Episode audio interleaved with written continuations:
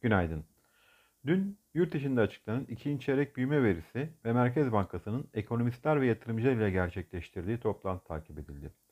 Yurt dışında Amerika'da açıklanan verilere göre ise özel sektör istihdam verisi beklentilerin oldukça altında kaldı. 613 bin kişi artması beklenen veride e, Ağustos ayında 374 bin kişilik artış gerçekleşmesiyle birlikte iş gücü piyasasındaki toparlanmanın yavaşladığını gösteriyor. Dolayısıyla yarın açıklanacak tarım dışı istihdam raporu piyasalar tarafından yakından izlenecek. Ee, Amerika'da bir diğer veri ISM imalat endeksi ise Ağustos'ta bir önceki aya göre 0.4 puan artışta 59.9'a yükseldi. Beklenti 58.5 seviyesinde gerçekleşmesi yönündeydi. Evet beklentinin üzerinde bir gerçekleşme gördük.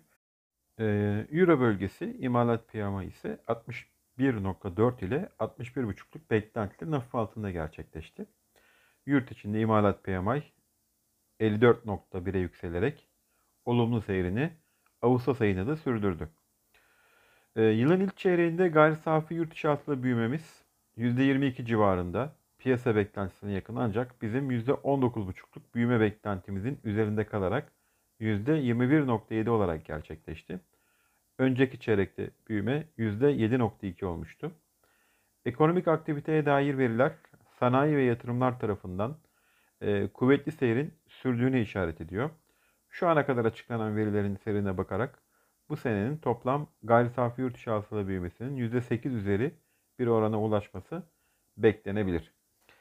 Merkez Bankası'nın dün ekonomistler ve yatırımcılarla bir toplantı gerçekleştirdiğini söylemiştik. Toplantıda daha önce e, ilettiği ana mesajlarını değiştirmedi Merkez Bankası Başkanı. Yılın geri kalanında da enflasyonda düşüşün devam etmesini beklediklerini, küresel emtia fiyatları kaynaklı maliyet artışlarının geçici olacağını ve önümüzdeki dönem gıda dışı enflasyonun manşet enflasyonun altında gerçekleşmesini beklediklerini belirtti.